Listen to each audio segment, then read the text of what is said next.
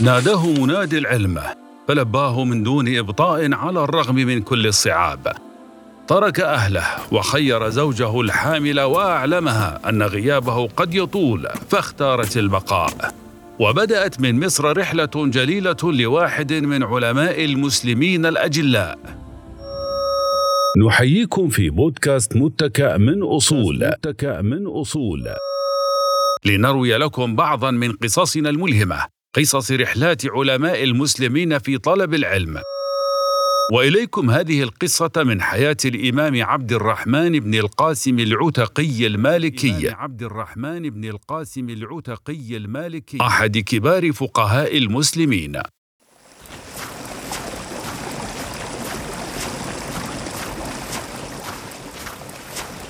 هذا هو ميناء ينبع يلوح في الأفق. فيزداد ابن القاسم لهفة وشوقا إلى الوصول. فهناك سينعم بالمقام في مدينة رسول الله صلى الله عليه وسلم.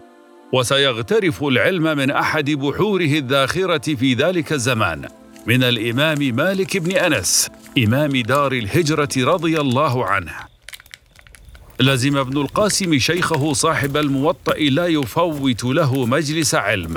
حتى إنه كان يأتيه كل ليلة في وقت السحر فيسأله ويغفو أحيانا على عتبة بيته من شدة التعب.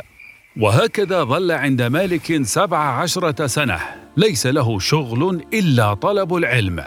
وفي يوم من الأيام وكان موسم الحج قد أوشك على الانقضاء. يصل وفد الحج المصري إلى المدينة ويدخل شاب ملثم مجلس الإمام مالك. فيسلم عليه ويسأل عن ابن القاسم فيشار إليه ويقبل الشاب إلى ابن القاسم يقبل يديه ويشم الرجل فيه رائحة الولد وكانت المفاجأة.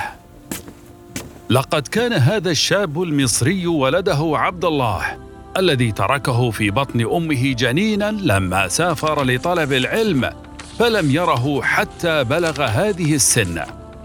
وبمثل هذه التضحيات صار هؤلاء بحق منارات يهتدى بها على مر الأزمان والعصور.